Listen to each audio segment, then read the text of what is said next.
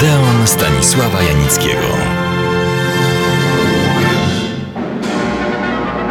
Oglądając filmowe relacje, sprawozdania, reportaże z toczących się aktualnie krwawych, bezwzględnych, już nieraz obłędnych wojen, a jest ich co niemiara, przyszła mi do głowy pokraczna myśl.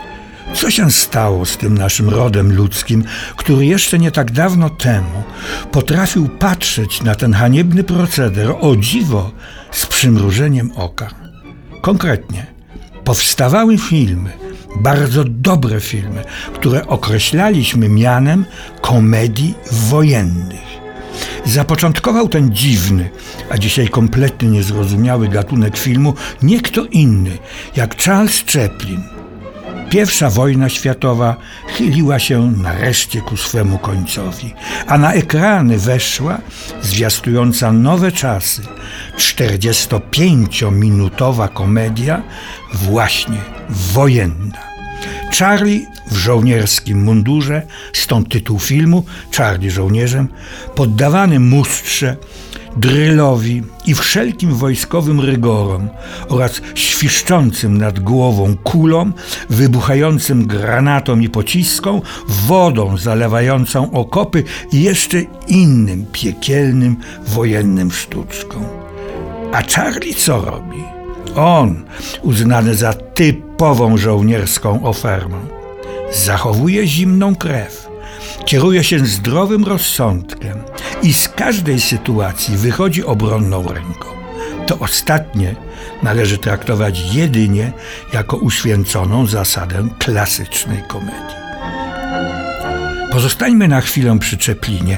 Oto w 1940 roku druga wojna światowa rozgorzała na dobre, wszedł na ekrany jego dyktator – niedoceniane przez wielu po dziś dzień arcydzieło dramatyczno-komediowe.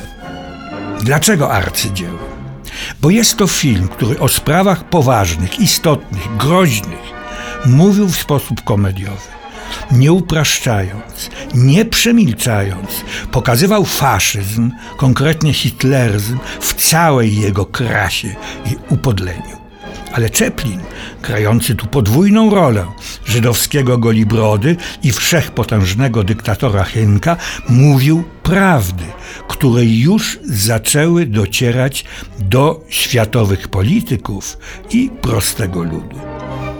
Dwadzieścia lat później, kiedy rozpoczęła się następna światowa hekatomba, weszła w 1942 roku na ekrany inna, powiem zaraz, niezwykła wojenna komedia amerykańska.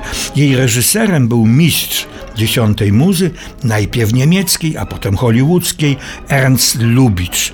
Reżyser filmów z największymi gwiazdami Polą Negri, Marleną Dietrich czy Gretą Garbo.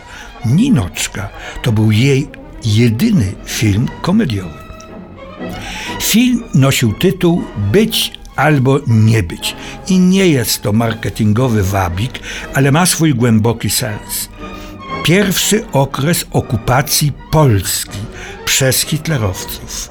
Niemcy panoszą się albo starają przeciągnąć Polaków na swoją stronę. Istniał już wtedy, od samego początku wojny, polski ruch oporu. W tym filmie jego reprezentantami byli polscy aktorzy, którzy przygotowują inscenizację Hamleta Szekspira. Nie będę Państwu streszczał akcji filmu, powiem tylko, że zrealizowany został według obowiązujących wzorów hollywoodzkich, więc trochę prawdy, trochę ryzykownych miejsc i bohaterów, a reszta to trzymająca w napięciu akcja, jednak niekoniecznie odzwierciedlająca prawdziwie, co nie znaczy fotograficznie dokładnie, atmosferę i zdarzenia tamtego czasu. Ale, jak to często bywa, nawet filmowe zniekształcenia część prawdy oddają. Nie wolno też zapominać, że był to pierwszy film, który przedstawiał polski ruch oporu. Na następne musieliśmy ładnych kilka lat czekać. Pamiętajmy też, że film Być albo nie być jest komediodramatem, a komediodramaty mają swoje prawa. Upraszczając, pokazują wydarzenia dramatyczne, czytaj prawdziwe, ale w formie i ujęciu komediowym. Kiedyś sam zrzymałem się na ten rodzaj komedii, ale patrząc dziś na ekrany, kinowe czy telewizyjne, uważam ten film Lubicza za zabawny, łagodny, choć nieco zwariowany. Filmy tego typu i o tej tematyce, choć czasami ryzykowne, pokazują jednak wojnę, a przynajmniej jej fragmenty czy też aspekty, zaskakująco śmiało i prawdziwie komediowo, a są autentycznymi dziełami sztuki. Śmieszą, ale i wzruszają. Dają też do myślenia. O dwóch takich filmach doby powojennej, zagranicznym i polskim, opowiem Państwu za tydzień.